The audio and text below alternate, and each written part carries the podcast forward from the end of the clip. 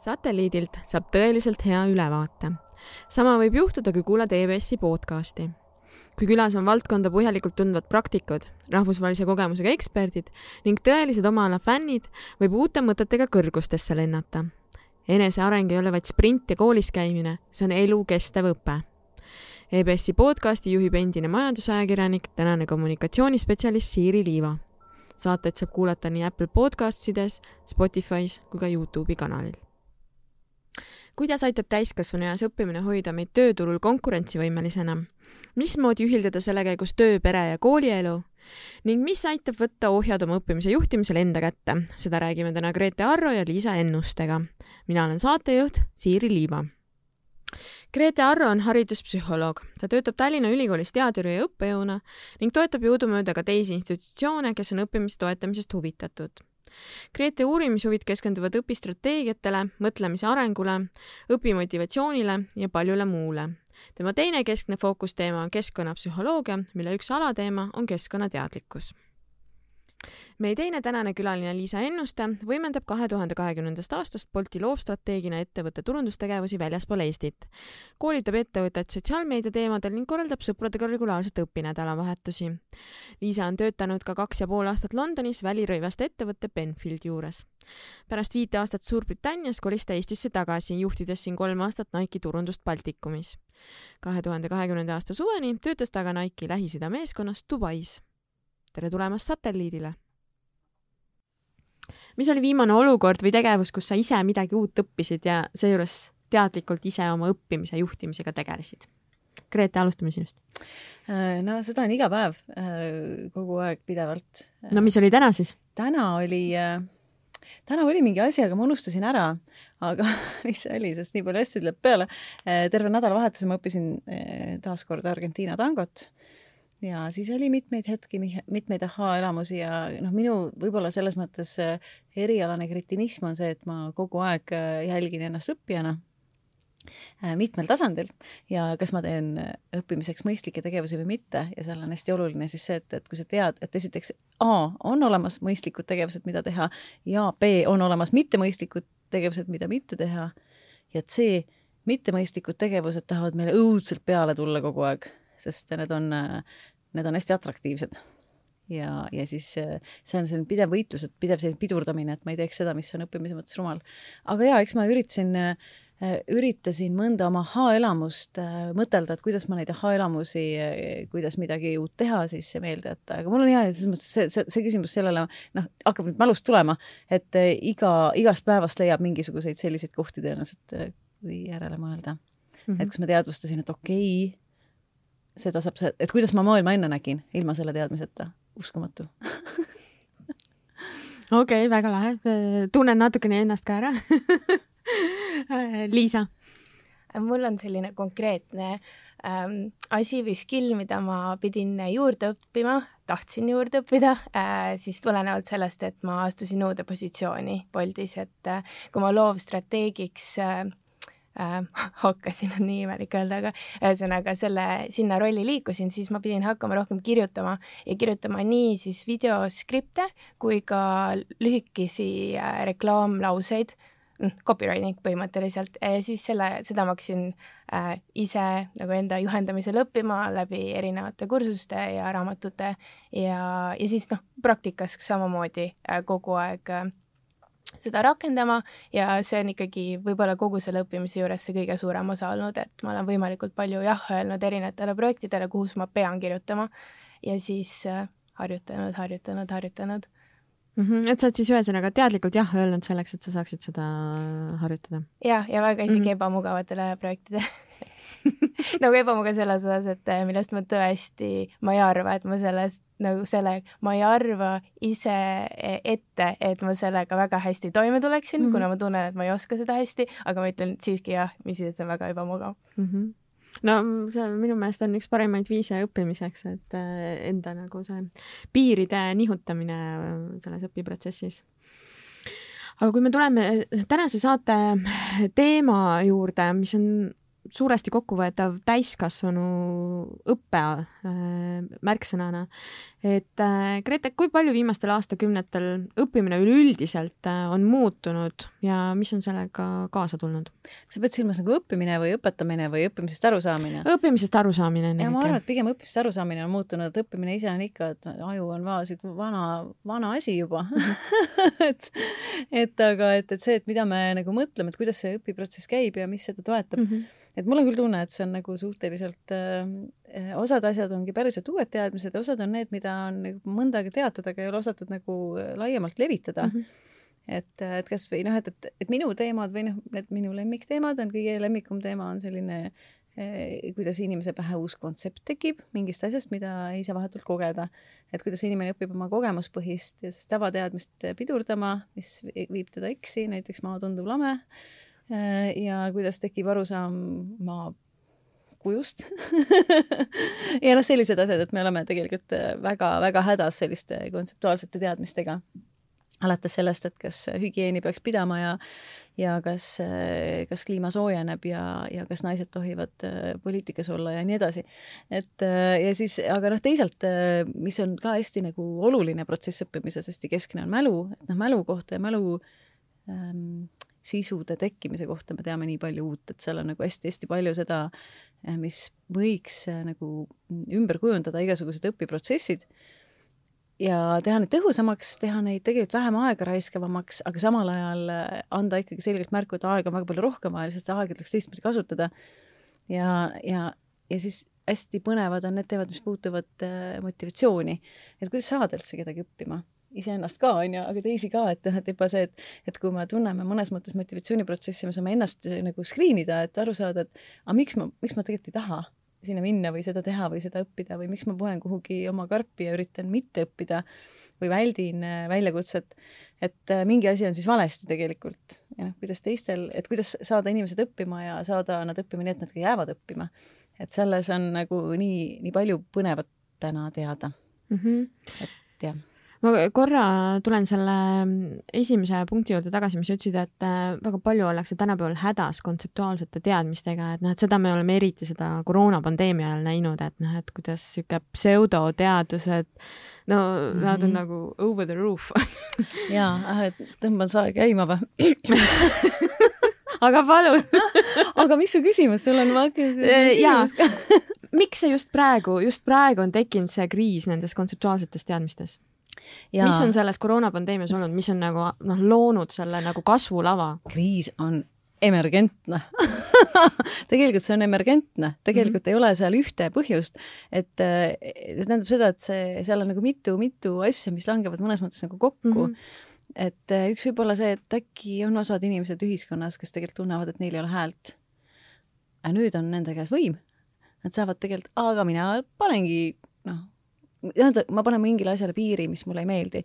et see võib olla üks tegelikult põhjus, aga mitte kindlasti kõigil inimestel, ma arvan, et nii palju, kui on inimesi, nii palju, kui on võib-olla selliseid äh, mingis mõttes teadus, tänase põhivoolu teaduse skeptikuid on ka erinevaid nagu neid põhjendusi seal taga, et miks nad skeptilised on, et ma ei saa seda ühte patta äh, panna äh,. ma arvan, et üks põhjus noh, ma olen ju siin mitte selleks, et võita sõpru, on ju, et ma arvan, et üks põhjus on see, et me võib-olla ei õpeta teadusest arusaamist äh, nii hästi, kui saaks, et äh, et selline teaduspõhine mõtlemine kujuneb ka hästi aeglaselt ja katsetades mitte kunagi läbi sellise ebatõhusa õppimise, kus reprodutseeritakse, et üritatakse midagi justkui passiivselt meelde jätta ja seda pisut hiljem reprodutseerida, aga materjali või info üle mõtlemist ei toimu mm. -hmm. et, äh, et see ei, see ei ole õppimine, et ja, aga sellega noh, saab tekitada õppimise illusiooni, saab tekitada lühiajalised, sellised pinnalised äh, mälusisud mm, -hmm. mis mhm. lähevad kohe ära mm. -hmm ja saab niimoodi saada palju viisi mm -hmm. ja mhm. tekitada endale akadeemiliselt kõrge enesehinnang põhjendamatult. et äh, ja, ja noh, ma arvan, et see on ka üks põhjus, et, et kuidas, et noh, et, et kuidas me üleüldse, noh, kuidas me õpime teaduse olemusest aru saama, asi pole selles, et sa pead olema selle valdkonna teadlane mm. -hmm aga see teaduslik protsess, kas see jõuab üldse sinuni ja siis mõtled, jaa, et ma tean, kuidas tehakse, ma tean, kuidas see käib, ma tean, kuidas see teadus on arenenud, kuidas üldse teadus on arenenud. Äh, et see võiks olla teine põhjus Äh, kolmas põhjus äh, võiks olla võib-olla mm, seotud mm, võib-olla osalt ka ikkagi sellega, kuidas me kommunikeerime neid teemasid mm. -hmm. et mhm. vaata, kui see häda on juba juhtunud, et meil inimesed võib-olla, et noh, et meil on inimesed, kes võtavad ilma mingi kobinata selle teema vastu, sest nende varasem teadmiste süsteem ongi selline, et et, et see uus tükk, et nüüd on näiteks vaja vaktsineerida või nüüd on uus viirus või nüüd on uus tüvi ja see kõik käitub nii ja see kõik kogu aeg muutub, sest teaduse põhiolemus on muutuda. et muidu ta oleks religioon et eile oligi nii, täna on teistmoodi, harju ära, see ongi teadus, ära solvu reaalsuse peale. aga et, et kui see häda on nagu juhtunud, et meil pole seda head arusaama teadusest, siis äkki nüüd äh, peaks nagu mõtlema, et kuidas nagu neid, seda kommunikeerida, et võib-olla mhm. see, et kui me kommunikeerime inimestele, kelle äh, pilti see uus teadmine läheb väga sujuvalt, ei muut-, noh, et, et, et see läheb tema eelteadmistega kokku mm. -hmm. Fine, ma lähen vaktsineerin, kõik on hästi, onju, ma elan, lähen oma eluga edasi. aga kui on võib-olla grupp inimesi, kelle eelteadmised on äh, ei ole nii koherentsed selle uue teadmisega, ei lähe kokku. et võib-olla nende puhul see kommunikatsioon, mis on lihtsalt nagu selgitav ja veenev, tegelikult ei, ei toimi, sest äh, ta kogu aeg, noh, see kommunikatsioon toob välja need eelteadmised, äh, seal tekib inimeseks vastuolu ja loomulikult tema eelteadmised on tal armsamad ja mhm. tunduvad mm -hmm. õigemad mm. -hmm ja küsimus on selles, et kas me saame luua kommunikatsiooniolukordi, kus eelteadmised tegelikult aidatakse nagu ähm, noh, edukalt nagu vaidlustada ja tegelikult ikkagi äh, lammutada mm -hmm. õudse kolinaga. ja see protsess on hästi kole mm -hmm. inimese enda jaoks, mis mõttes, et noh, et, et ja seda ei tohi kunagi teha nii, et, et seal on äh, paha olla inimestel, et me teeme hästi palju seda halba tunnet neile inimestele. et, et ehk siis ma siin enne mainisin motivatsiooni, et kui me ikkagi ei toeta motivatsiooni põhialuseid, ehk siis inimese tunnet, et ta on kompetentne mm, -hmm. et ta on selle nii-öelda õpetava poolega seotud ja et ta on autonoomne, et talle ei suruta peale midagi. et vaata, kui me nendest tunnetest nagu teerulliga üle sõidame äh,, siis ei ole mingit lootust, et ta hakkab koos me meiega oma kontseptsiooni üle arutama mm -hmm. ja mhm. vaatama, et äkki, äkki see minu mudel ei sobi kõikide, et noh, et äkki mu mudel ei seleta maailma väga hästi ära. et me ajame nad kõigepealt kaevikus, siis küsime, et aga miks te siis meiega nüüd teed ei joo ja ei aruta, eks ju mm -hmm.. ühesõnaga, et see on nagu niisugune pundar probleeme, mida saab valesti teha, aga et eh, ma võin öelda, et teoreetiliselt me teame, aga noh, et, et ma ei, ma ei ole kindlasti see, kes ütleb, et jaa, et ma tean nagu hästi praktilist mudelit, kuidas mm -hmm. seda teadmist kohe rakendada, et seda peaks hakkama võib-olla otsima ja võib-olla saaks nagu pisikeste eksperimentidega katsetada, et kuule, et äkki me saame nagu lähemale mõnele inimesele või grupile mm, -hmm. aga see ei tähenda seda, et me saame massikommunikatsioonivahendisse üles panna mingisuguse õige lahenduse või, või selle kuidagi ära teha kiiresti ühepoolselt mm -hmm.. okei okay,, no mis trende me võime noh, tänu nendele uutele lähenemistele seejuures täiskasvanu õppes äh, täheldada nii Eestis, mujal Euroopas, USA-s? Liisa ähm,? milliseid trende, ma arvan jah, et need trendid on üsna globaalsed ja seoses kogu ka selle koroonaviiruse ähm, pandeemia algusega mm -hmm. oli üsna palju näha seda, kui palju online platvormidel kasvas äh, kursuste äh, enrollment mm -hmm. ja osavõtmine ja ma arvan, et see trend on sellest saati juba enne, aga ka pärast seda aina, aina rohkem äh, kasvanud ja ma arvan, et seda saab iseloomustada kui siis äh, selline on-demand õpe, et mm -hmm. millal sul on tarvis äh, midagi teada, siis informatsioon on nagu igal pool saadaval, alates Youtube'i kanalitest, lõpetades selliste nagu suuremate platvormideni nagu Coursera, Udemy äh,, isegi võib-olla mõned sellised natuke inspi-, mm, inspireerivamad ja pisut pealiskaudsemad platvormid nagu Masterclass, et igale nii-öelda huvile ja inimesele on midagi mm -hmm. ähm, ja võimalus väga soodsalt ennast täiendada, sest kursused algavad sealt kusagilt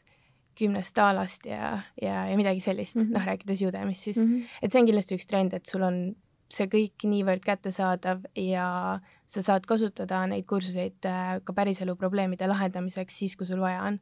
et äh, jah mm. -hmm. Um, ja võib-olla teise trendina ma tooksin esile selle ka, et äh, isegi kui me räägime sotsiaalmeediast, siis äh, no võtame näiteks TikToki selline eh, suur kaks tuhat kakskümmend aasta success story. Ja siiani, eh, siis ka sellel platvormil, mis võib-olla koosneb eh, väga suures osas mingitest tantsuvideotest, on väga suur osa ka õppimisel ja seal on isegi oma kategooria Learning with TikTok.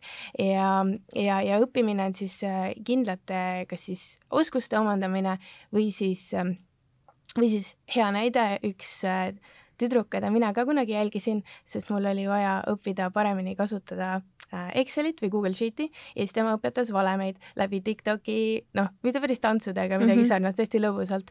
ja siis, äh, kuna ta suutis oma kanalit nii palju kasvatada läbi selle, pärast seda ta lansseeriski, ta tuli töölt ära ja lansseeris enda äh, Exceli kursuse mm. -hmm. et selliseid trende olen ma nagu, neid on, neid on veelgi mhm. olnud mm, -hmm. et seal on ka nii-öelda asjalikku sisu, kui sa otsid seda ja algoritmi selle järgi kujundad endale mm. -hmm. Um, ja ja siis, äh, ja siis võib-olla teistes sotsiaalmeediakanalites ma mõtlesin üks päev just sellele raamatute challenge'ile, et äh, ma ise alustasin sellega võib-olla nüüd neli aastat tagasi ja ma olen tähele pannud, võib-olla see on samas ka biased, et ma seda tähele panen rohkem, aga mulle tundub, et inimesed rohkem räägivad raamatute lugemisest ja rohkem nii-öelda heas mõttes uhkustavad sellega, mis tähendab seda, et see on väärt asi, mida teistele äh, näidata ehk siis see on jälle õppimine ja lugemine on jällegi cool mm -hmm. äh, ka nagu noorema generatsiooni seas mm. -hmm. ja jah, vist, vist mm, -hmm. vist praegu need esimesed suuremad trendid, mida ma märganud olen mm. -hmm. sa tõid juba mitu niisugust mitteformaalse õppimise viisi ka välja, et nende juurde me tuleme pärast mm -hmm. tagasi. aga Grete, mis sina lisaksid, et mis trende me võime täheldada täiskasvanute õppes? mina ei tea, mis täiskasvanute õppes toimub. see ei ole minu spetsialiteet kui sa pead silmas a la sellist kas koolitusturgu või siis, et akadeemilises plaanis on andragoogika, mis sellega nagu tegeleb. aga noh, minu jaoks nagu ei ole vahet, et ta aju õpib nagu ta õpib ikka, et vahet mm -hmm. pole, kus. ja kui vana. ja kui vana vana mm -hmm. ja, ja vanuselised erinevused nagu on olemas küll, osad mm, -hmm. mida tasub arvesse võtta, aga on ka väga palju asju, mis on tegelikult universaalsed mm. -hmm et seesama motivatsiooni toetamise printsiibid on samad, ükskõik, kas on kolmeaastane või, või kolmekümneaastane või kolmesaja-aastane. ja et, et, et siin on väga-väga mõnusaid äh, nagu hea on meeldeta võib-olla teatud nagu printsiipe, et sa võid teada, mhm. et pole vahet, kes õpib mm, -hmm. et neid tundeid või neid kogemusi tasub talle tekitada, et ta õpiks paremini. aga jaa, et mis need trendid on, et, et minu arust ikkagi noh, ma võin seda küll öelda, et et minu arust selline teaduspõhine lähenemine ikka murrab kapist välja mm -hmm. ilmselt ka siis sellisest noh, täiskasvanuhariduses laiemalt ja noh mm -hmm., ülikool, ülikool on ka nagu mingis mõttes täiskasvanuharidus ju siiski mm. -hmm. ja seal me näeme ka, et, et tulevad, tulevad teised arusaamad, kuidas õpetada, et äh, isegi Eestis mm. -hmm. no minu meelest viimastel aastatel on hästi populaarseks saanud, mis on just nagu täiskasvanud õppijale äh, suunatud, on need, äh, on nad siis nanokraadid või mikrokraadid, et noh, et et kes noh, et teatud kursused, mis on nagu kokku komplektiks pandud ja kes iganes töötav spetsialist tunneb, et ta tahaks mingis valdkonnas ennast täiendada, siis nagu saab seda teha. ise ka just teeme ühte mikrokraadi ja ma ei tea, kas me valmis teeme, aga me teeme ma unustasin ühe asja tegelikult lisada, mis äh, ja millele ma mõtlesin ka, et äh, koolid, äh, sellised nagu ümberõppekoolid nagu see Jõhvi kood, mis meil just mm -hmm. äsja avati, et see on ka kindlasti minu arust rohkem ka globaalne globaalne trend, mis siis õnneks siia jõudis ja väga õigel kujul mm, -hmm. meil on rohkem IT-spetsialiste, arendajaid vaja.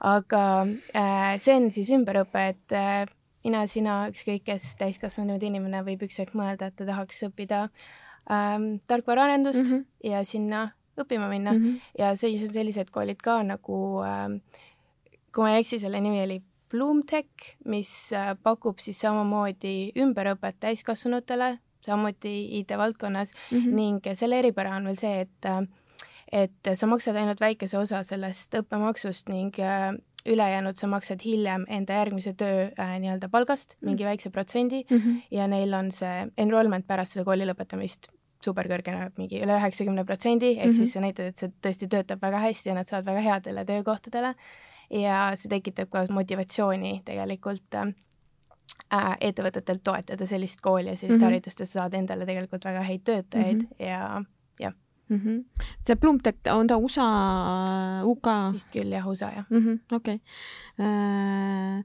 no ja see Jõhvi kool on ju tegelikult äh, kasvanud välja sõna otseses mõttes tööturu vajadusest, et äh, et Eesti IT-firmad, äh, noh, lisaks sellele, et noh, siin ei ole piisavalt töökäsi saada, et, äh, et ka need äh, välismaalt toodav tööjõud ei ole piisav, et, et tagada nende nagu seda kasvu või kus nad saaksid oma potentsiaali rakendada.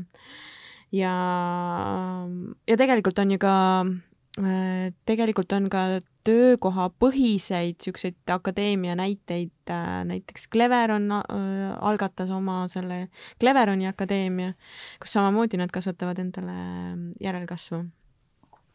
et neid, neid näiteid on.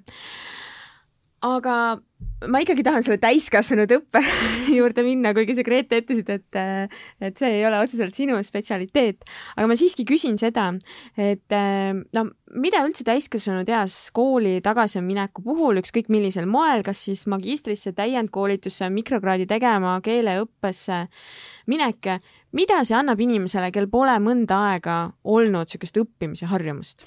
kui ma ütlesin, et ma, see ei ole minu spetsialiteet, siis ma pidasin võib-olla silmas rohkem seda, et seal ei ole vahet, kes õpib, et õppimine mm -hmm. on õppimine, et ta on, et ta on küllalt universaalne, aga mida õppimine annab, mis sa silmas pead, et, et et, et mis, mis õpi-, miks inimene, kes nagu, kel pole tükk aega olnud seda õppimisharjumust mm, -hmm. mina olen ka korduvalt nagu seitsmeaastase vahega, mis iganes, teinud mm -hmm. sedasama ja algus on meeletult raske. aga miks peaks inimene seda tegema, jälle nagu minema sellesse nagu õppimise rütmi tagasi? aga kas sa pead silmas, et, et miks peaks, et, et mis on tema enda motivatsioon või et kas väliselt peaks keegi teda kuidagi survestama? mis see, mis see annab talle isiklikult, tema, talle endale? Ma arvan, et see on nagu individuaalne, et mm, -hmm. et pigem psühholoogina, kui ma tahaks sellele vastata, ma läheks küsiks nende käest et miks nad lähevad, et mis see neile annab. et. aga kui üritada et, üldistada? Äh, no ma ei tea, et selles mõttes, noh, tähendab, minu jaoks on selline küsimus, et ma ei saa nagu spekuleerida, et mm, -hmm. et pigem võiks küsida, et, et miks, mis neid ajendab mm -hmm. sinna minema mm. -hmm ja, ja see on jällegi erinev, eks ju, et mhm. neil on erinevad motiivid, et, et ja et, et ma selles mõttes ei oskagi nagu väga spekuleerida, et see annab ju tohutult palju erinevaid asju, aga sõltub sellest, kuidas sinna minnakse, mis eelteadmistega minnakse, mis motivatsiooniga minnakse. et, et kas siin on selline üks ühine asi, mida see kindlasti annab, ma ei ole nii, ma ei ole nii optimistlik, et sihuke üks, ühte asja seal on, noh, kindlasti kui nad päriselt mõistlikult õppida oskavad, siis nad kindlasti pikendavad oma elu mhm. sellega mm. -hmm selles okay. mõttes, et õppimine no, on hästi juba. kasulik. aga, aga noh, jällegi ma ei saa öelda, et, et õppima minek pikendab elu, sest kui sa õpid võib-olla lollilt, eks ju mm, -hmm. et siis, siis nagu ei pikenda.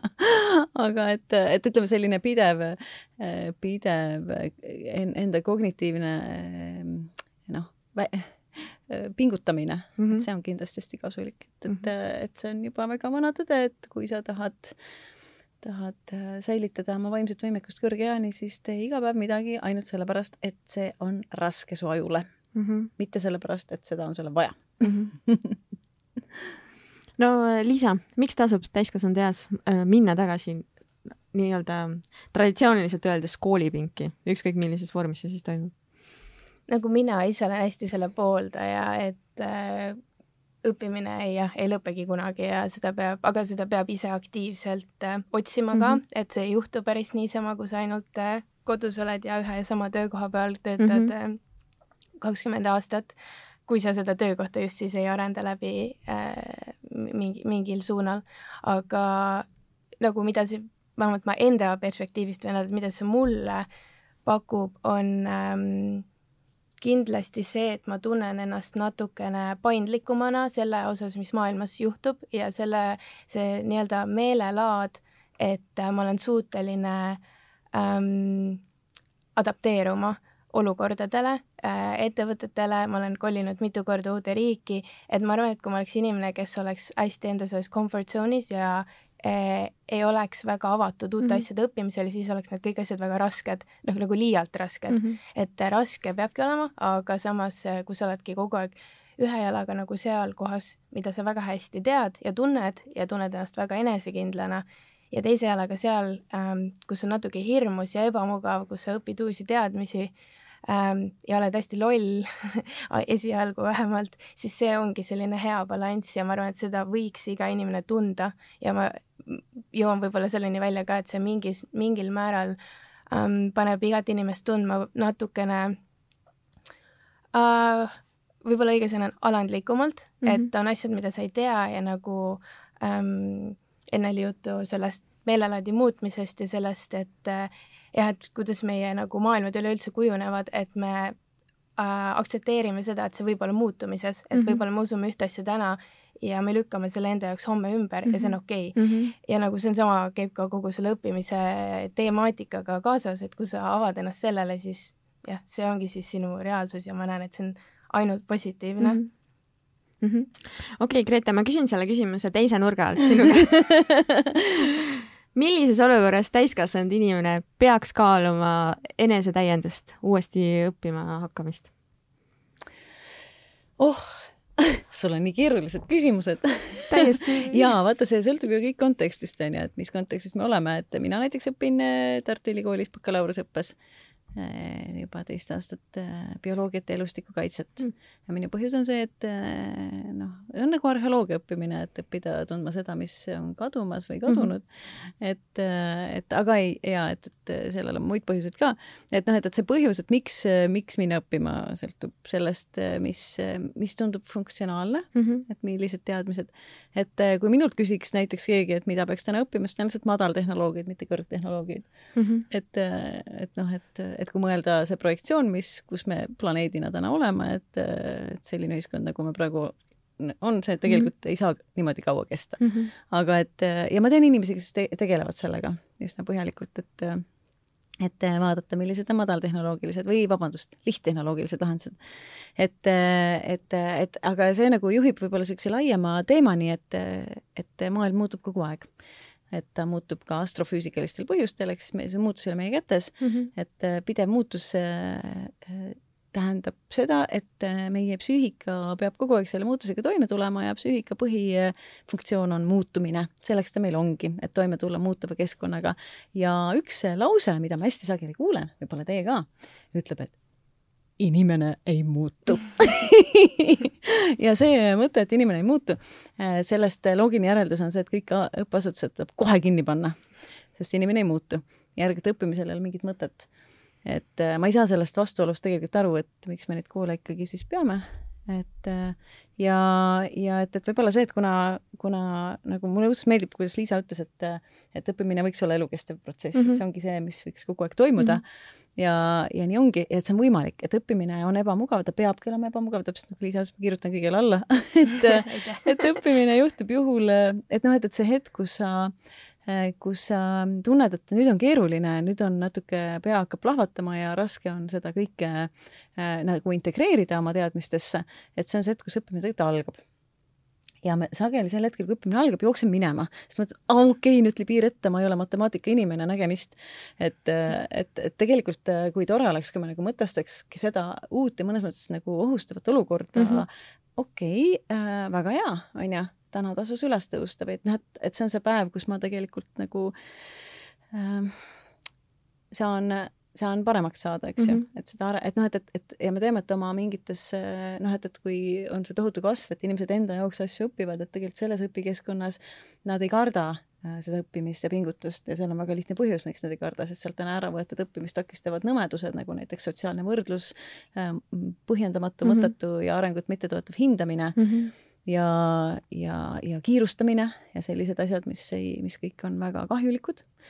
Äh, kiirustamine üldse on väga halb asi, ma arvan.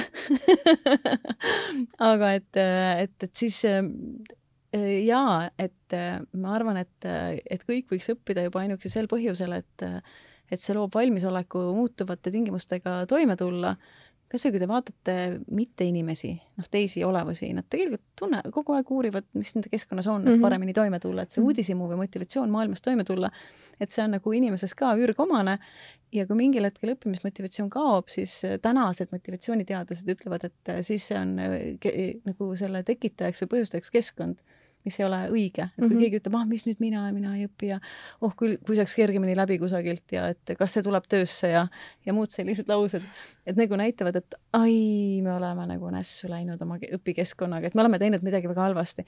Äh, ma tean äh, vanemaid, kes on mures sellepärast, et äh, üheksa-aastane laps vihkab kooli, ei taha kooli minna. et kui mina oleks see kool, ma nutaks patja iga mm -hmm. päev terve kollektiiviga, et meil on, noh, me oleme täiesti nagu kõik, noh, me oleme valesti teinud et, et, et jah, et selles mõttes täiskasvanud inimene võiks kogu aeg mõelda, et, et õppimine on sama loomulik nagu hingamine ja see, et kogu aeg on põlved porised ja ei oska ja, ja on tõenäoliselt lollina, et, et see on ka nagu omamoodi nauditav asi, eks ju, ja sest, sest see tunne, see hea, see mõtlemise mõnu või see hea tunne, see tuleb alati, see tuleb ainult, ainult pärast seda pingutust mm, -hmm. pärast segadust mm. -hmm. et sellepärast on segadus üks hästi kasulik e, noh, õpi-, õp-, teadmiste omandamisega seotud emotsioon. segadus, üllatus, uudishimu, et see on kõik, see on hästi kasulik et, et ta viib enamasti just sellele, et ma ikkagi natukene rohkem tõstan seda pingutust ja hakkan pusima ja pärast seda tuleb see, see, see mõnutunne, et ma hammustasin läbi või mm -hmm. hakkasin oskama või sain selle skill'i kätte, Mhm. eks ju.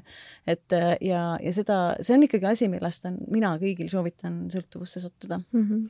et, äh, et on jah, mingis mõttes võiks laialt, laial skaalal nagu tõsta sellist meie valmisolekut äh, muutustega toime tulla ja noh, praegu me oleme nagu planeedis selles seisukohas, kus me peame õige varsti igasugu asju muutma hakkama mm -hmm. oma Mhm. valikutes ja elustiilis.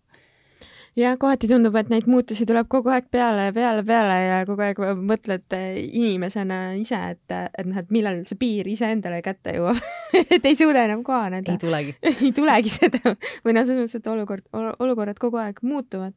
aga jah, et mis ma siin teie mõlema jutust praegu välja nagu noppisin, oli see, et mis on oluline õppimisel ükskõik mis vanuses, on see, et, et sa pead, et ei tohi karta olla loll, et kui sa, kui sa seda tunned, et siis see tegelikult on märk sellest, et sa õpid. ja, Äh, ja tegelikult ma ütlen seda ka, et kui sa nagu tunned, et nüüd on veel lisasurve, onju, kuulasin raadiot, sain teada, et kui ma tunnen, kardan olla loll, siis ma olen veel nõme ka, onju, sest nii ei tohiks tunda, et õõ, et tegelikult see tunne, et, et ma kardan olla loll, selles ei ole ükski mm. -hmm. ükski õppija kunagi ise süüdi mm. -hmm. et kui sa vaatad käima õppivat last, onju, Mhm. ei tunne, et noh, ma peaks juba käima, käia oskama, et aga tal ei ole tunnet, ta karda, ta ei karda olla loll. et see ei ole nagu tava, see ei ole inimese omadus mm. -hmm. et see ikkagi tuleb keskkonnast, nii et igaüks võib mõelda, et jah, ma tunnen, et loll, et ma häbenen seda, et ma ei taha seda endale tunnistada, kui ma olen loll mm, -hmm. et ma ei võta sellest viimast ja tegelikult see ei ole nagu minu süü mm, -hmm. aga noh, et, et nüüd ma saan hakata seda teistmoodi tõlgendama, et see on tegelikult kasulik. ma ütlen, kuna ma olen bakatudeng, ma pidevalt saan aru, kui loll ma olen, et ma mõtlen, et rahu, on ju, et see on okei see on kasulik tahaks öelda, et lolluse terviseks aga need teatud kontekstis on ju. aga Liisa, sina oled erinevates äh, suurettevõtetes töötanud, et äh, mis tre trende võib täheldada ettevõtete sisekoolituste organiseerimisel, oma töötajate koolitamisel, neile enesearengu võimaluste loomisel ja pakkumisel mm,? no näiteks äh, Boltis hetkel on meil selline äh, ma ei oska öelda, kas see on nüüd hullult struktureeritud süsteem, aga kui sa soovid finantseeringut mingisuguseks kursuseks või konverentsiks mm -hmm. ja põhjendad ära, miks see aitab sul mingeid kindlaid probleeme lahendada mm, -hmm. siis äh, sa saad seda ja ma ise tegin ka seda kohe mm, kui ma seal alustasin põhimõtteliselt, sest et minu jaoks oli kogu see performance marketing tiimis olemine väga-väga uus mm -hmm. asi ja ma tahtsin natukene koguda rohkem teadmisi sellest valdkonnast. Mm, ja siis on paljudes suurtes tehnoloogiaettevõtetes eraldi eelarve loodud selleks, millest noh, mida igaüks inimene mm -hmm. ise teab ja siis ta saab valida samamoodi endale kursuseid ja, ja neid siis aasta jooksul teha mm. -hmm aga nüüd nagu lisaks selle, sellistele, need on niisugused tüüpilisemad uh, asjad, mida tehakse mm. -hmm. Uh, ma võib-olla tahan ühte asja esile tuua, mis ei ole üldse selline struktureeritud platvorm, aga see on rohkem jällegi meelelaad, et kui mina alustasin Boltis, siis üks esimesi asju, mida mu siis mänedžer, kes mind onboard'is, mulle selgeks tegi ja väga mitu korda rõhutas, et nii palju kui võimalik õpi teistelt inimestelt enda tiimist, et ja ära kunagi karda neilt küsida mm, -hmm. äh, kas abi siis mingite projektidega äh, või lihtsalt äh,, ma ei tea, pool tundi selleks, et kohvi juua ja uurida nende ala kohta ja nende siis äh,, nende teadmisi endale mm -hmm. ammutada, et see üksteiselt õppimise hästi teadlik äh, suunamine ja nagu mm -hmm. julgustamine, sest mul on tunne, et inimestel tekib samamoodi see, et ah oh,, ma ei tea, siin on kõik nii targad ja ma ei taha minna talt küsima nii lolli küsimust mm. -hmm. et ma tegelikult ju võiksin seda teada, et selle ärakaotamine ja mine räägi mm, -hmm. küsi ja uuri ja tegelikult ma olen nii palju näinud kõrvalt seda ka, kuidas inimesed äh, läbi selle ja ka koos mõtlevad välja lahendusi mm -hmm. äh, probleemidele ja ma arvan, et jah, Bolti kultuur on üsna hea näide ka sellisest elukestvast õppest, et kus käigu pealt kogu aeg täiesti uusi probleeme lahendatakse, selliseid, mida keegi ei ole varem lahendanud mm -hmm. samamoodi, et see ongi üks suur õppimine mm, -hmm. et äh, keegi ei ole täiesti valmis seal kunagi okei okay,, see, mis sa enne kirjeldasid, see on ingliskeelne termin on peer learning, ma ei tea, kas eesti keeles on ja. sellele mingit paremat vastet, Grete? no ma arvan, et äh, grupis õppimine. grupis õppimine. või, või kaaslastelt õppimine või mm -hmm. jah, et mm -hmm.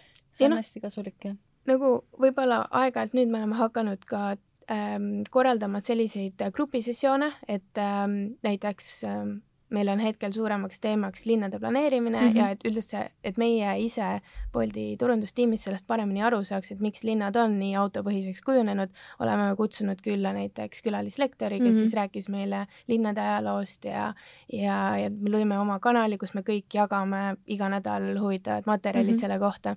et äh, väga palju sellist äh, kultuuri ka, et jah, see ei ole kuidagi struktureeritud, aga inimesed justkui nagu ise väga tahavad seda teha ja see leiab tänu sellele aset mm. -hmm. see, et see ei ole struktureeritud, sellepärast nad tahavadki siin on täiesti selge seos.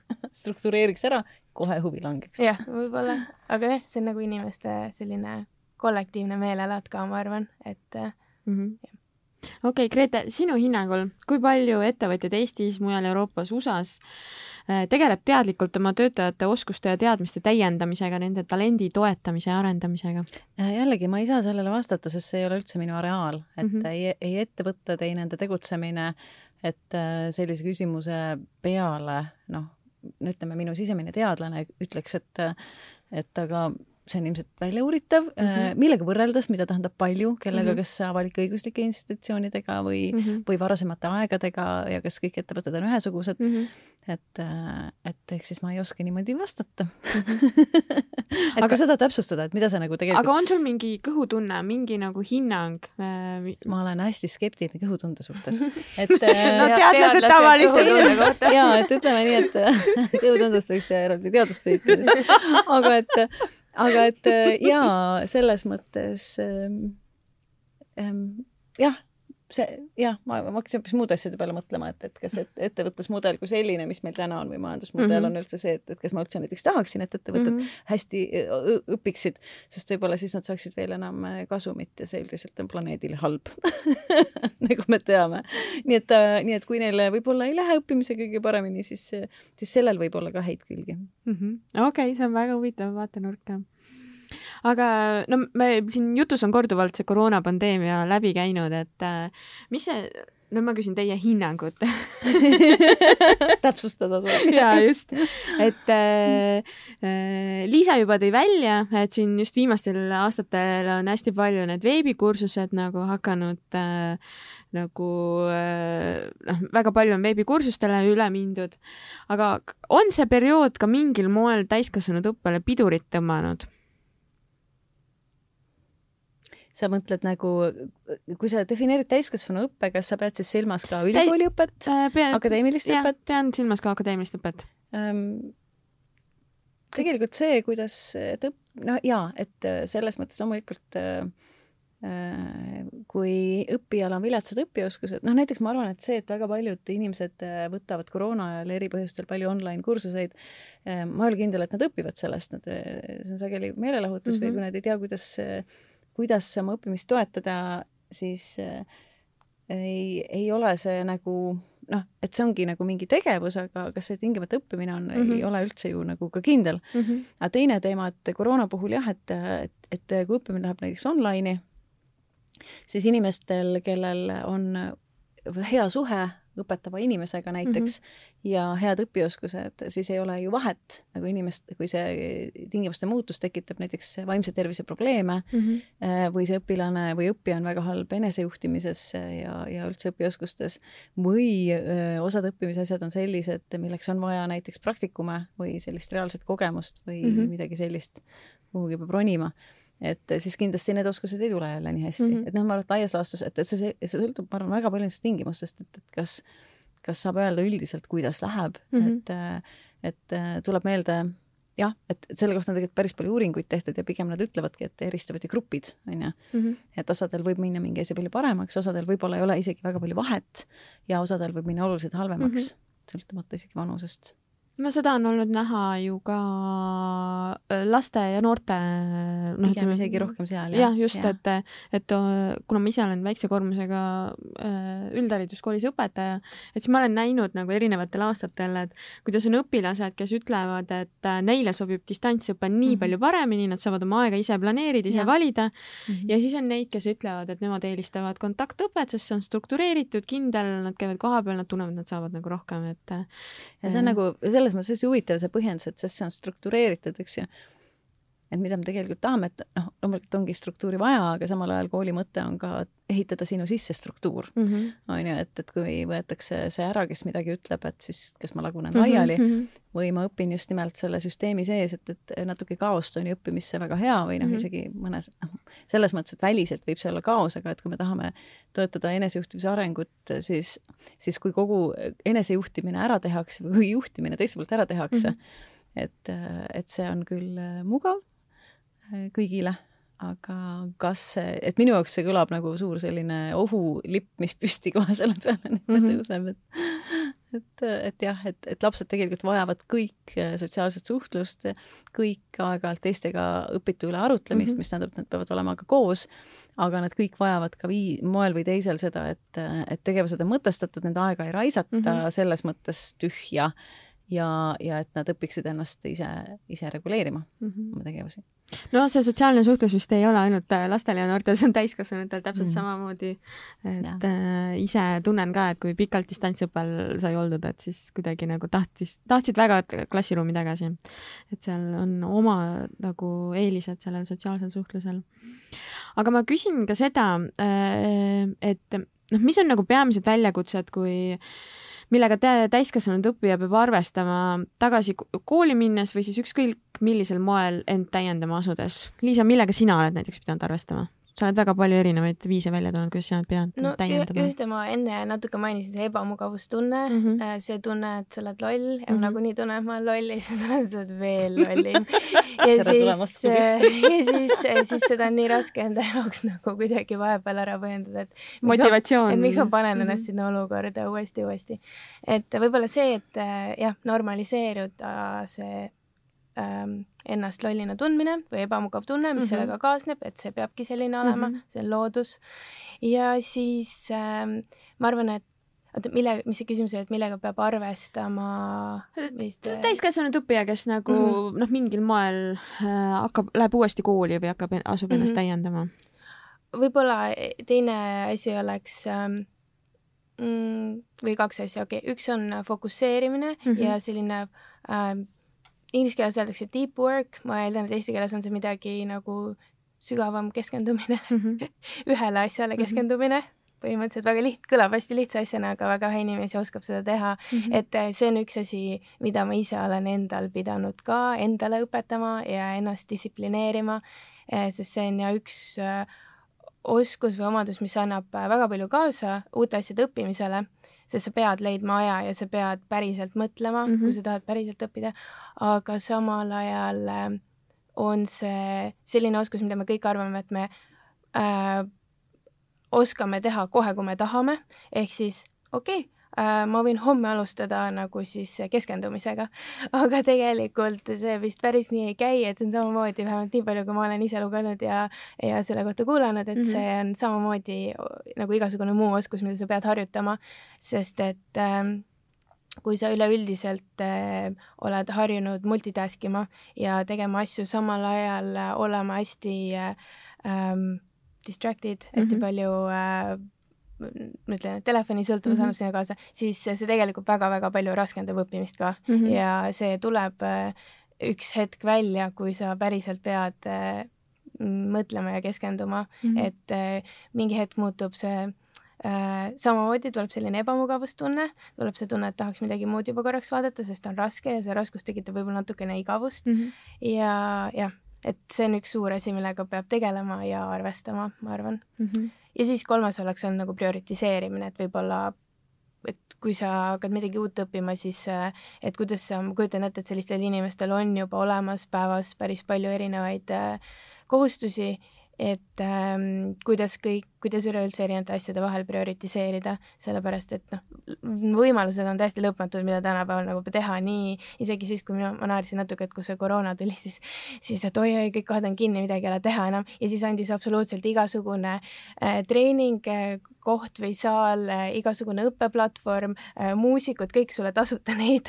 neid ligipääse igale asjale niimoodi, et äh, ma oleks sisustanud ära veel rohkem kui kakskümmend neli tundi päevast nagu mm -hmm. kõikide tegevustega, mida mm -hmm. online plaanis teha saab, ehk siis ülipalju on teha ja mm -hmm. peab tegema valikuid mm. -hmm Grete, kas sa oskad öelda, kas on mingit statistikat ka selle kohta, et kui palju täiskasvanud õppijad jätavad kas siis kraadiõppe või mingi muu enesetäienduse pooleli seetõttu, et neil läheb raskeks töö, kooli ja isikliku elu ühildamisega? Äh, tegelikult äh, see on üks probleem, millega kõrgharidusasutused erinevad äh, ikkagi väga rinda pistavad mm. -hmm. vähemalt Eestis, et eks siis mm, et võib-olla see mudel, kuidas suhtuvad haridusse nooremad inimesed ja kuidas suhtuvad need, kes seda haridust annavad, et mm -hmm. need mhm. mudelid alati vist ei lähe enam nii väga kokku et nagu üks mu sõber ütles, see ei ole nüüd teaduspõhine, aga ütles mõnusalt, et, et tänapäeva noortele võib-olla osalt haridus on nagu noh, ülikool on nagu järjekordne äpp, et ma laen alla, vaatan, ah, kuule, nõme ja kustutan ära. päris tabav võrdlus. on just ja, ja lisaks see, et noh, et, et kui mõned võib-olla mõnes ülikoolis mõned õppejõud võib-olla imestavad, et, et nemad küll püsisid ülikoolis väga mm -hmm. palju paremini omal ajal, siis jah, sest kui sa välja kukkusid, sa läksid Vene sõjaväkke. et jällegi, onju et motivatsioon. aga et, et seda erinevate valdkondade ühildamist, et et kindlasti on neid tudengeid ju ka, aga noh, et, et see ei ole ju ainuke probleem, et, et sellist nagu numbrit ma kindlasti ei tea, kui palju on neid tudengeid, kes teevad neid tegevusi korraga, pigem selline pere loomine ikkagi nihkub ju hilisemasse mm -hmm. aega, see siis tähendab seda, et see ülikooli on kas tagasi tuldud või alles hiljem tuldud mm, -hmm. eks ju mhm et, et aga, et mida võib-olla rohkem näeme täna, ma arvan, et sellise noh, ühesõnaga, et kui tuleb juba, kui inimene on suutnud endale sellise elu planeerida ja õppima läinud, siis sageli tal on kas mingi ressurss sellisest planeerimisoskusest või vähemalt uskumus, et tal on see ressurss. et aga et pigem oleks nagu häda, noh, mures rohkem nende pärast, kes on selliste õpioskustega rohkem hädas, noh, planeerimine on muidugi üks neist ja kukuvad välja näiteks seetõttu, et eh, noh, üks õpioskus võiks olla ka seesama arusaam, et kas ma tohin ennast õline tunda või pean ma kogu aeg eh, näima hästi tark mm -hmm. ja mhm. kui tuleb mingi takistus ette ja ma ei näigi enam nii tark või, või ma ei saa millestki esimese hoobiga aru mm, -hmm. et siis järelikult see pole minu jaoks mm -hmm. ja tuleb lahkuda. või siis eh, samamoodi me võime keskkoolist saada kaasa sellise äh, kiirelt tulnud, kiirelt läinud tuupimiskultuuri mm -hmm. ja siis imestada, et miks me tegelikult tööandja ei ole rahul, et äh, meiega või tööandja ei tahagi meid nii väga meiega kraadidega mm. -hmm. et äh, ja, ja siis samamoodi igasugused äh, noh, tegelikult me võiks rääkida ka ärevusest, on ju, et väga paljud noored on ärevusega hädas ja seda me ei õpeta, mis asi see on, kuidas sellega toime tulla, miks see nii levinud on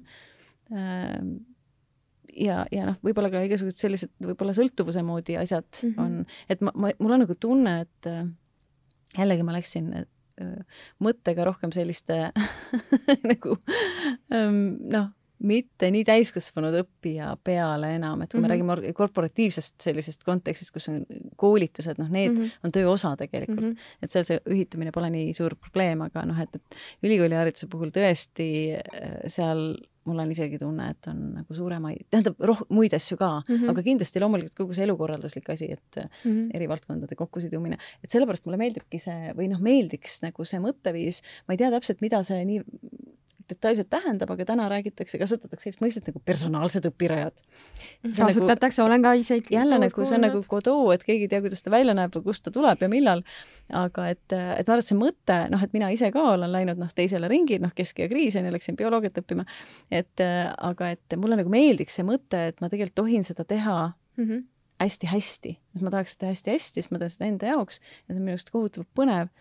Ja ja mul on hästi vähe aega mm. -hmm. ja seepärast ma tahaks seda teha väga, väga nagu aeglaselt ja ma tean, et ja, ja noh, hea meelega maksan selle eest mm, -hmm. aga et just, et mu mõte ongi see, et, et ma ähm, ei tahaks, et ma oleks sunnitud tegema õppimist ülejala mm -hmm. ja oleks jube tore, kui see nagu oleks ka selliste noh, kõik ja, ja siis samas on nagu küsimus, et tõepoolest tänane vähemalt kõrgharidus ei luba sellist või noh, et ei, ei soodusta tingimata sellist, et ma õpin sealt ja, ja sel moel, kuidas täpselt ise tahan mm, -hmm. et saada mingi professioon kätte.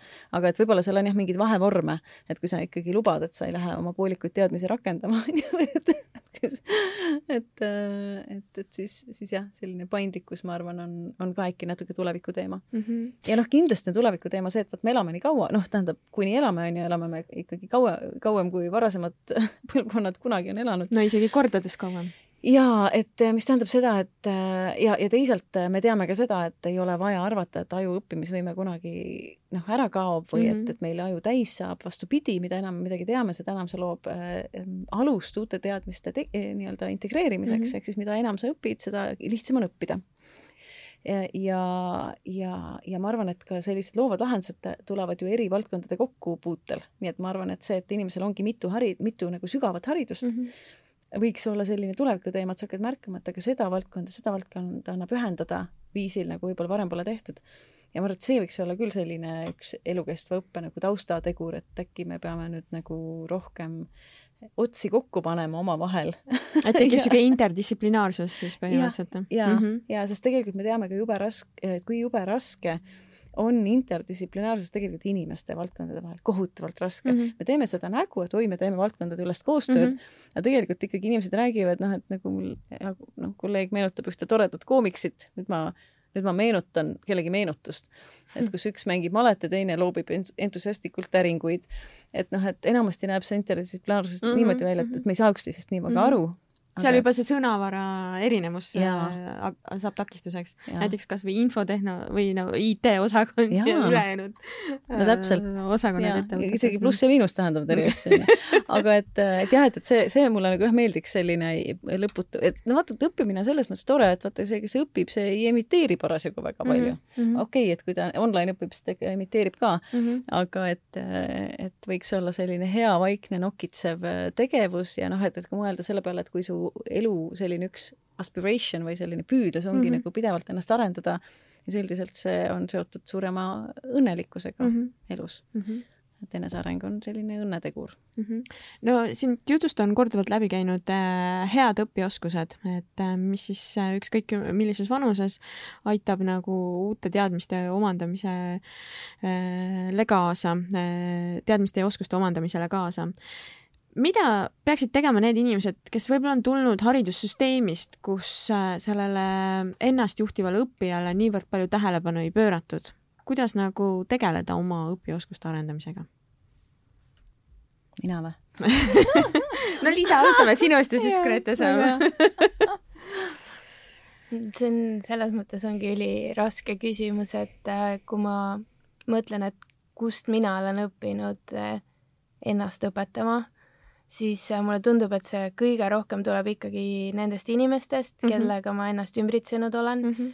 et äh, li-, väga lihtne on õppida, kui sa näed teiste pealt, äh, kuidas nad probleeme lahendavad ähm,, kuidas nad mõtlevad ja sellest olla inspireeritud ja mm -hmm. mingis mõttes jäljendada neid ähm,, aga siis oma eesmärkide suunas mm. -hmm. et äh, ma arvan, et kõik teavad ikkagi kedagi enda tutvusringkonnast, kes on selline inimene mm -hmm. ja ma arvan, et lihtsalt äh, noh, veel parem, kui see on su keegi väga lähedane inimene, et ta mm -hmm. saab sind pidevamalt mõjutada, aga kui mitte lähedane, siis äh, rääkida ja aru saada sellest, et äh, kuidas see inimene planeerib enda asju ja kuidas ta otsustab, langetab otsuseid mm, -hmm. et mida õppida, kust, mida järgi vaadata, millised on mingisugused konkreetsed asjad, mida ta teinud on, et mul on tunne, et mõnikord sellistest näidetest saab päris palju mm -hmm. inspiratsiooni juurde mm. -hmm. Um, head eeskujud siis ühesõnaga? jah, head mm -hmm. eeskujud mm. -hmm. ja siis äh, ma arvan, mõned need asjad, millest me juba rääkinud oleme, et selline distsipliin ja, ja äh, aga okei okay,, see küsimus oli rohkem vist selle kohta, et kuidas nagu õppimist juhtida mm -hmm. iseendale, et see on äh, hakata või muutuda paremaks oma õppimise mm -hmm, juhtimisel mm. -hmm. et ma, vot see, et kust see motivatsioon tuleb, seda ma küsiksin sinu käest, sest et seda on küsitud minult mhm, varem mhm. ja sest tundub, et mul on nii palju motivatsiooni kõike kogu aeg teha ja siis ma ise olen olnud pigem lihtsalt tänulik, et need on see mingisugune. et motivatsioon sul on. et mul on mhm, motivatsioon, et ma ei ole kellelegi osanud öelda, et, et mida ma selle jaoks teen, et -hmm. selleks ma ei ole oma enda teada ühtegi konkreetset sammu võtnud mm -hmm. ja olen olnud lihtsalt tänulik geenide eest ja hea mm -hmm. keskkonna eest, kus üles kasvada mm. -hmm. ja, aga ma ei oskagi, et kas kellelegi saab üldse õpetada, kuidas motivatsiooni juurde saada mm, -hmm. ma pole kindel. no Grete, saab õpetada et ma siis äh, õpioskused jätan siis hilisemaks. aga et äh, jaa, et motivatsioon on õnneks, sellega on hästi tore lugu, on see, et motivatsioon, äh, meie selline püsiv ja, ja mõnus ja tervislik motivatsioon on pea täielikult seotud selle väliskeskkonnaga mm -hmm. meie ümber, ehk siis, et Mhm. tegelikult see sõltub nii palju inimestest mm -hmm. meie Mhm. ümber, et meie motivatsiooni saab äh, hästi tõhusalt tappa, hästi tõhusalt saab meis tekitada hästi nõmedat motivatsiooni, mis on meile Mhm. kahjulik mm, Mhm. -hmm. rämps motivatsioon ja, ja hästi tõhusalt äh, saab tekitada sellise mõnusa motivatsiooni inimestele mm, -hmm. Mhm. nii et sa ütlesid, sihuke mõnus keskkond, eks ju, et, et sinu sees on nagu tegelikult kompass mm, -hmm. mis Mhm. kogu aeg näitab, et aa, kuule, sinna võiks minna, seal on äge, onju, ja see näitab õigesse suunda aga seal ikkagi tuleb õpetaja roll ka mängu. õpetaja ja vanemad ja noh, üld, Mhm. üldse, et ikka- ikkagi need ümbritsevad täiskasvanud, täna ma arvan, et noh, mõlemad selles mõttes, aga noh, kool on see, kellele me saame küüned taha, onju. Mhm. vanematele nagu on raskem Mhm. öelda, kuidas nad peaksid elama. Mhm. aga et, et jaa, et motivatsiooni, ühesõnaga motivatsiooni vastab küsimus, miks sa midagi teed. Mhm. et äh, miks sa teed seda ja kui siis äh, seda küsida näiteks mingite asjade suhtes või isegi, et miks sa ei tee, siis need vastused on äh, jaotatavad nagu mingis mõttes kontiinumile milles ühes otsas on sellised põhjused tegevuste äh, tegemiseks, mis tegelikult noh, see on nagu kahjulik, kui tal Mhm. on need põhjused, et mm -hmm. sest äh, te, tahan teistest parem välja näha, tahan, saan muidu peksa, onju, sest äh, ma teen sellepärast ainult, et selle eest makstakse või et ma tunnen ennast süü, süüdi või pettununa mm. -hmm. endas või häbi, onju, et peksan mm -hmm. ennast ise, kuigi teised ei peksa, onju, aga ma ise olen õudselt pettunud, et mina olen viiendiline, nüüd sain nelja plussi, ja et see, ma ei vääri enam midagi mm. -hmm. et ma olen minu hind, et ma olen minu medalid, ma olen minu, noh, ilma selleta, kui ma väravat ei löö, siis mind mm -hmm. ei ole olemas, eks ju. et mul mingit väärtust endal küll ei ole, onju. et ja, ja selline motivatsioon on siis, me saame sellist edukalt inimestesse tekitada ja noh, seda me jõuliselt ka teeme kahjuks ja, ja seda ei peaks tegema mm. -hmm. ja selline teine pool, et kui küsida, et miks sa midagi teed, põhjused on näiteks alates sellest, mis on, kuhu me ei peagi minema, mis on selline mida me ei saa nii palju mõjutada mm -hmm. noh, pisut, on see, et kui see asi on lihtsalt minu kirg, ma pean seda tegema, isegi teen isegi, kui ei maksta, onju. teen isegi, kui keegi ei taha, et ma seda teen mm. -hmm. teen liiga palju. et, et see on selline huvikirg, vaimustus, eks ju, aga et mis on nagu see mõjutatav motivatsiooni osa, see kvaliteetmotivatsioon, et kui inimene ütleb, et ma teen seda sellepärast, et see läheb kokku mu väärtustega mm -hmm. või et, et see on nagu see, kes ma olen, et see ei ole lihtne, see ei ole huvitav ja mõnus, aga see läheb kokku sellega, kes ma olen mm, -hmm. et keegi ilmselt ei korja äh, loodusest prügi, sellepärast et see on nii mõnus et aga see läheb kokku sellega, kes ma olen mm. -hmm. või siis, et see on mulle kasulik äh,. et ma tean, miks see mulle hea on.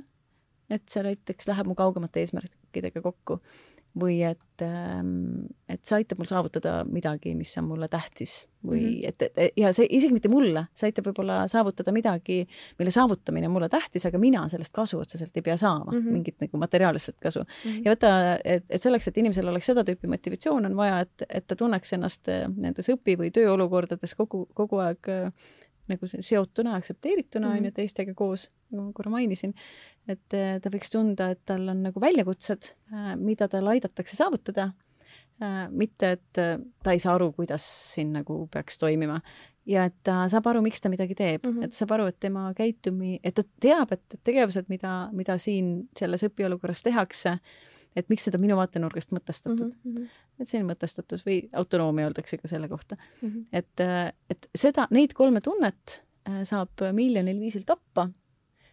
Võib öelda, et ma olen sinust nii pettunud või siis saab lapsi võrrelda omavahel või siis saab äh, mitte märgata, et keegi sisenes ruumi ühesõnaga sada, sada erinevat mm, saab, saab peale pressida oma tohutult toredat väärtust teistele ja kui kasulik see miski sulle on ja mm -hmm et, et see on hästi lihtne, on neid tegelikult nagu kuidagi, noh, et mitte suuta ohjata enda soovi teisi juhtida mm. -hmm. ja selle asemel me võiks pigem olla sellised teiste suhtes siis, et me noh, pakume ja näitame ja võimaldame, aga me ei suru peale. ja noh, me oleme olemas, kui nad vajavad tuge mm, -hmm. me pakume ohjeldamatult soojust ja, ja mõtestame, aga me ei survesta mm -hmm.. okei okay., meil, meil, meil hakkab ajasurve peale mm. -hmm. me ei rääkinud õpioskustest me ei rääkinud õpioskustest, aga ma pean kahjuks siin joone alla tõmbama, sest meil on podcastil ka traditsiooniline lõpuosa, kus kõik külalised saavad vastata kolmele küsimusele ja esimene küsimus on, mis on see üks juhtimisraamat, mida sa soovitaksid lugeda kõikidel, keda juhtimisteemad või väljakutsed paeluvad ja Grete, alustame sinust. ma ei loe juhtimisraamatuid. aga võid pakkuda raamatu väljaspool valdkonda? jaa, selles mõttes, et kui nüüd noh, jah, kui nüüd kedagi peaks huvitama seesama motivatsiooni teema mm, -hmm. siis alati on ju mõistlik õppida ära self-determination theory eesti mm -hmm. keeles, korrektne tõlge on isemääramisteooria mm, -hmm. et äh, Tissi ja Ryan panid siis kokku sellise äh, hästi mõnusa kogumiku aastal kaks tuhat seitseteist. Mhm. et, äh, et noh, et, et motivatsiooni teemades loomulikult see on selline mm -hmm. mõnus alusmaterjal, aga, aga jaa ähm, noh, igasugu muid soovitusi võiks ka muidugi, muidugi jagada aga las, las siis jääb see inimes-, inimeste keskne okay. materjal. väga hea.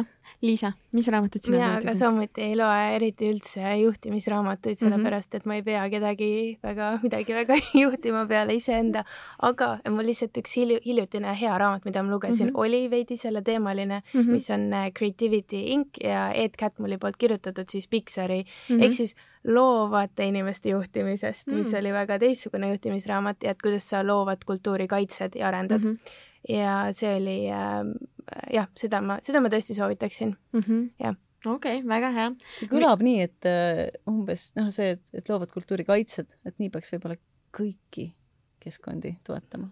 kõlas -hmm. juba väga hästi. mis on see üks soovitus, mis sa alati juhtimise kohta annaksid ja Liisa, jätkame sinult um,. kas siis enesejuhtimise või, või, või me räägime teiste inimeste juhtimisest? ma ei tea, kas, see, ma ei seda... ole kindel, kas seal on palju erinevusi, aga lihtsalt. kuidas iganes seda um, mõtestad ma pean hästi natuke mõtlema selle no, üle. no mõtle, nii, Grete. Äh, tegelikult sellesama, noh, jaa, selleks, et keegi hakkaks midagi tegema, ükskõik kas uskuma vaktsiinide mõjusse mm -hmm. või teadma seda mõju siis, Äh, või siis äh, oled sa juht, kes juhib töötajaid või siis oled sa õpetaja, kes juhib äh, või toetab õpiprotsessi mm, -hmm. siis kõige esimene reegel, ilma milleta üldse mitte midagi saavutada ei saa, on see, et võta tema vaatenurk, võta tema mm -hmm. perspektiiv, aga see on keeruline, tähendab see, see lause ise, seda võidakse ka nagu minu arust tõesti pinnapealselt valesti mm -hmm. tõlgendada.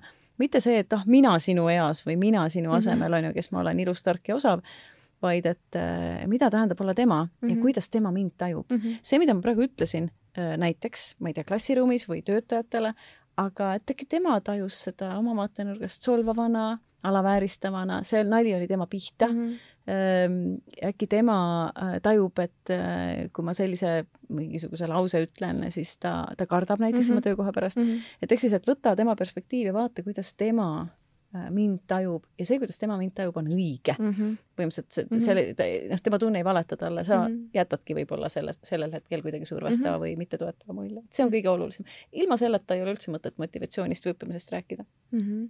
no nii, Liisa, mõtle seda välja. kas mul tuli nüüd mõni mõte vahepeal Läks pirn peas põlema ma kuulasin terve. ma natuke mõtlesin jah, et võib-olla siis ähm, juhtimise teemal siis võib-olla ja julgustada kas siis enda ähm, meeskonda või siis iseennast äh, seda ebamugavust tundma, ma tean mm, -hmm. et mhm. kümnendat korda räägin sellest juba, aga see on üks asi, mida kordamine on tarkuse ema. jah, on või väga hea küsimus äh, järgmises podcastis äh, ühesõnaga jah, et, äh, et selle Äh, kultuuri mm, ehitamine enda tiimis ei ole ka lihtsalt see, et sa ütled mm -hmm. näiteks, et see on teine asi, mida juhid peavad väga hästi aru saama, et nad peavad ise tegelikult peegeldama väga palju mm -hmm. seda, millest nad räägivad äh, väikestes ja suurtes asjades, et äh, kas need on esitlused, presentatsioonid, selline otsene kommunikatsioon või siis asjad, mis tulevad välja läbi nende töö mm. -hmm. Äh, ja see on väga suurel ähm, nii-öelda äh, väga oluline osa mm. -hmm. natuke liigub sinna practice what you preach äh, valdkonda osaliselt. okei okay., mis on see oskus, mis sa tunned, et pead enda juures veel arendama? ja Liisa, nüüd ma küll küsin uuesti sinu käest mm,. ma arvan, et äh, see on jällegi nagu suurem küsimus, aga ma tean, et ma olen maadelnud väga pikka aega äh, ähm, imposter syndrome'iga mm, -hmm. mis on siis eesti keeles sellel on mingi hea nimetus kindlasti. meie kasutame ka inglise keeles okay., me ei ole ka, elu on liiga lühike, et see ära tõlkida Imposter syndrome jah, ja mul, ma teeskleja sündroom. teeskleja sündroom, mis tähendab siis seda, et äh, sul võib kõik hästi minna, aga sa oled pidevalt äh, peaaegu täiesti kindel, et äh, sind lastakse homme lahti, kuna sa tegelikult ei ole väga hea ning äh, kõik, mis sa varem teinud oled, on läinud hästi mm -hmm. ainult ühel või teisel kokkujuhtumisel mm, -hmm. ehk siis sa ei võta selle eest väga palju kreditit mm -hmm. ning sa ei kahtle selles, et sinu judgment su endast on vale mm. -hmm. ehk siis, et kuigi sa kahtled kõiges muus, siis selles sa ei kahtle.